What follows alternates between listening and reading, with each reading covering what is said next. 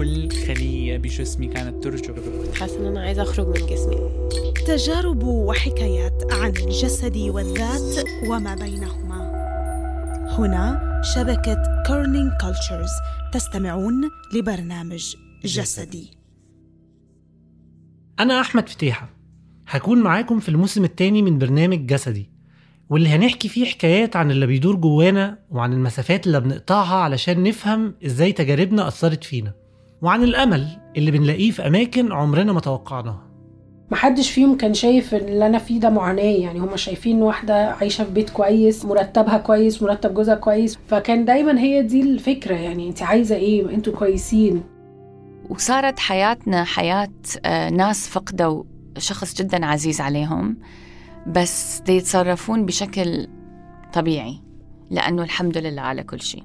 كيحيى اللي كان عنده أمل. بس أنا الآن شايف إنه حتى النافذة هذه اللي أمامي هي بس سراب. بقى بالليل كوابيس. مشاعر الملل مشاعر الخوف كان دائما فيه اللي الواحد يعني يحمد يحمد الله على النعم يشكر الله على النعم ما يقول أنا طفشان ما يقول أنا خايف.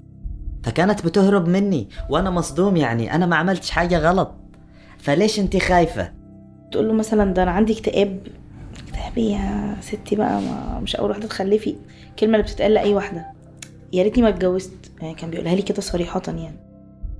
بس هو مش مصحة نفسية هو سجن خاص.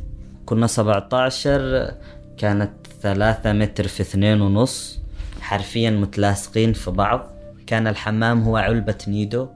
يعني هذا الشيء حرام. إنه أنت شنو ما مآمن بألله؟ إذا تروح تشوف دكتور نفسي.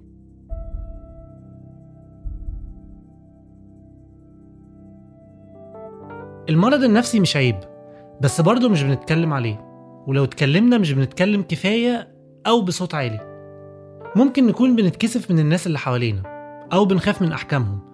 وممكن أصلا نكون مش فاهمين إحنا بنمر بإيه.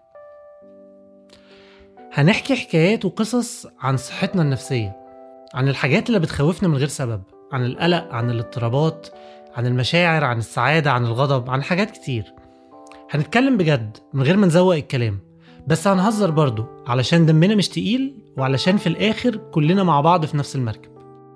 برنامج جسدي من إنتاج شبكة Kerning Cultures أنا مضيفكم أحمد فتيحة.